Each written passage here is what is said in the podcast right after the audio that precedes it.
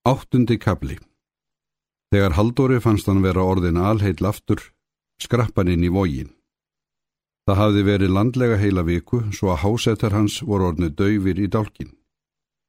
Hann hafði þess vegni higgju að bjóða þeim upp á óvænta hressingu. Það er að segja, eftir tækju vel í það sem hann ætlaði orða við þá. Gerðu þeir það ekki, þá fengju þeir ekki. Hann hafði ráðfært sig um þetta við salvöru sem fannst það fallega hugsað og vel til fundið. Síðan hafði hann sendt Kristófer Gamla til þeirra af hásetunum sem lágu við heima til að byggja þá að koma að Katanessi um kvöldmatarleitið sama dag og segðu þeim að hafa kerlingardan með sér. Hann spjallaði við búðarmennina í vóginum, sérilagi Einar Solvarsson, en þeir voru nákunnugir.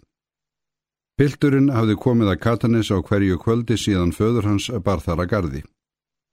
Feðgarnir fóru saman í langar gönguferðir og voru mjög samrýmdir. Haldur þurfti að taka út ímislegt smávegis sem hann let vega og setja í umbúðir. Svo baðunum að fá að láni átjónpotta kvartil sem stóð þarna við búðarborðið. Upphálega hafði verið vínið því en nú var það tómt. Búðarþjóðnin fór inn til faktorsins til að bera þetta undir hann og þegar Samúlsen heyrði að katanisbóndin væri á ferð kom hann sjálfur fram og rætti við hann um stund. Jú, kvartjelið var honum til reyðu, en ætlaði hann ekki að fá eitthvað í það. Haldur hvað ekki löst við það, hann ætlaði að fá brennivín eins og kvartjelið tæki ef faktorum vildi skrifa það hjá honum. Samúlsen brosti og hvað það sjálfsagt. Þér hafi verið góður viðskiptavinur, barað allir væri eins og þér. Þessi lánsveslun er orðin hreinasta pláa Hún ætlar alla að slega bæði okkur og almenning. Verslunin verður oft að býða árum saman eftir afborgun á stórum upphæðum. Faktorinn var í óvenju góðu skapi og vek þess vegna taluna því umræðu efni sem honum var efst í huga hennum skadlegu afleiðingum lánsveslunarinnar fyrir alla aðila. Annars talaði hann aldrei um slikt við aðra en síslumannin og prestin en þó hafði komið fyrir að hann leti svo lítið að minnast á þetta við Katanesbóndan.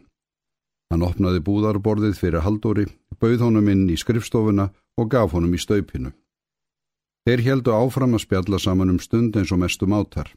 Samuelsen mat Haldur meira en alla aðra óbreyta bændur, þrátt fyrir allt. Haldur var nú einu sinni aðkomumadur og hann var sá eini af bændunum sem faktorun umgegst eins og jafningja. Þetta kom eins og á sjálfu sér. Þessi nollendingur var örugur og virðulegur í framgöngu og hafði á sér höfðingjasnið. Þegar Rökkva tók, hjælt Haldur heimliðis með kvartelið á bækinu. Einar Sölvason var í fylg með honum og þeir röpuðu saman um hitt og þetta. Einar var stór og sterkur eftir aldri, hann var fámóll og íhugaði vel allt sem hann sagði. Auk þess hafði hann fyrir síð og horfað þannig á fólk að því varð órótt. Hann var svo sem ekki gamal en margir báru dulda virðingu fyrir honum þó að þeir vissu að hann nætti ekki til hára að telja.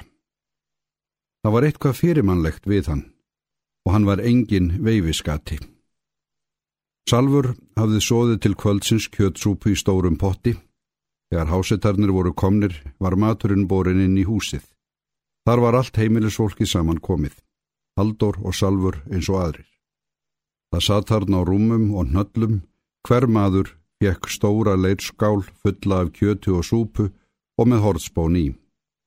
Fólkið hafði skálarnar á njánum meðan það mataðist. Haldur Bessarsson satt úti við glukkakitruna. Hann var hraðætin og listugur og varð á undan öllum hinum og virti síðan hásetana fyrir sér í laumi úr sæti sínu. Rúmgott herbergið var látt undir loft og fullt af gufu af sjóðheitri súpunni en samt sá hann greinilega andlit hvers og eins. Þetta voru þungbúnir menn og óhugnanlega þeigjandalegir. Meira að segja Hannes Langbrók sem satt við hliðin á konu sinni sagði varla orða þessu sinni. Haldur gæti ekki varist brosi, það var ástæðuleust að láta einnar viku landlegu hafa þessi áhrif á sig því að afli hafði verið góður fram að þessu og enn mánuður til loka.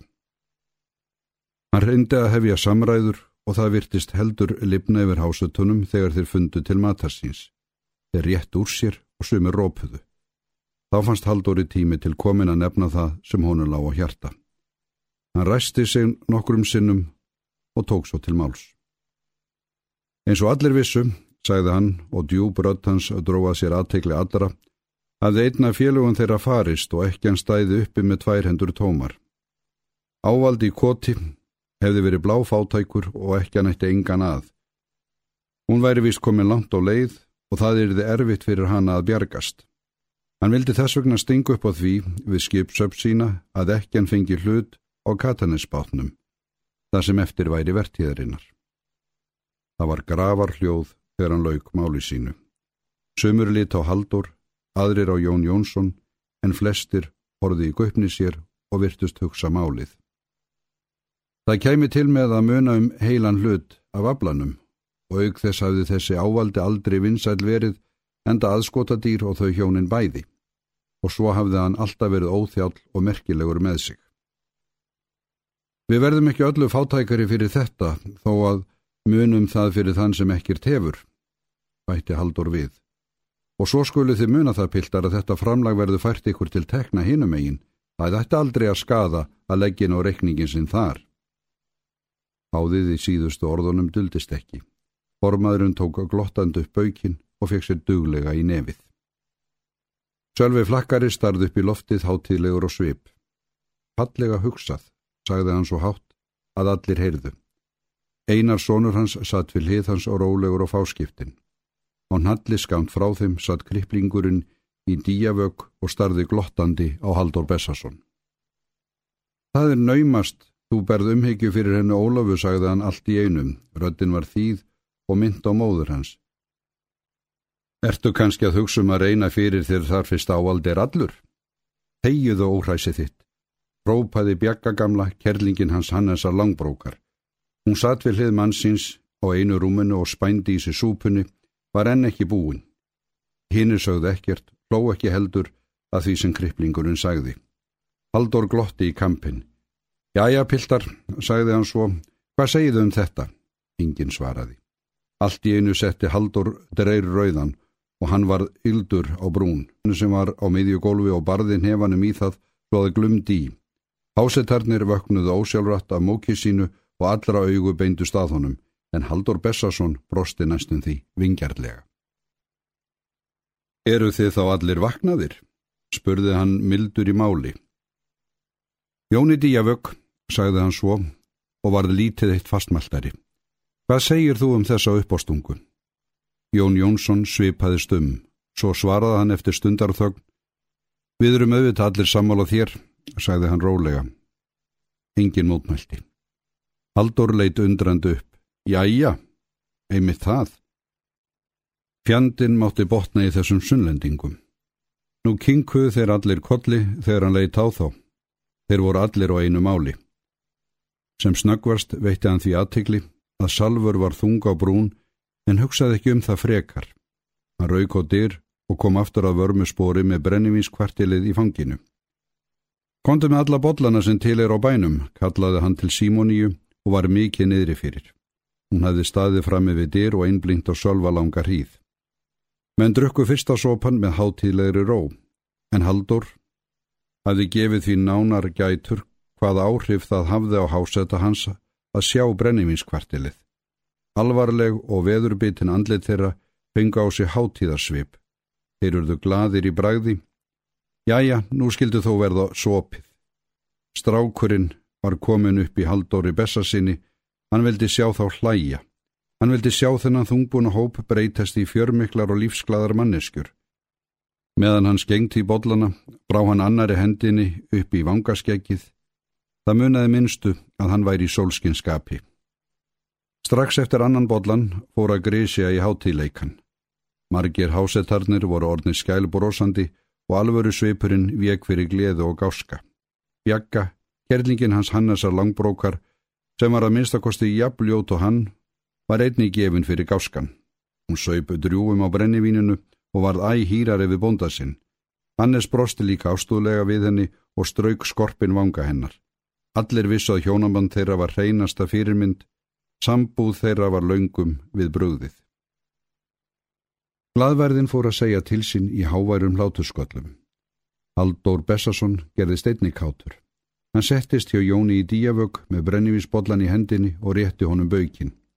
Jón fekk sér í nefið og tók vingjarlegu undir við Halldór en ekki var hægt að fá hann til að brosa og yngrar breytingar var vart í rött hans eða fasi. Hann var óspar og drikkin, kannski flestum öðrum fremur, en það sá ekki á honum. Helst hefði það þá verið að hann forðaðist að líta á svonsinn kriplingin. Haldur gaf þessu göym og varðum það hugsað. Raunar fjallhónum það sumuleiti vel við þennan ósvífna kroppinbakk. Það var eitthvað fallegt við augun í honum. Haldur hafði líka reynd að vikja góðu að honum oftar en einu sinni en bara fengi skæting í staðin. Og þó voru augu piltsins líkust því að hann vildi svara góðu til.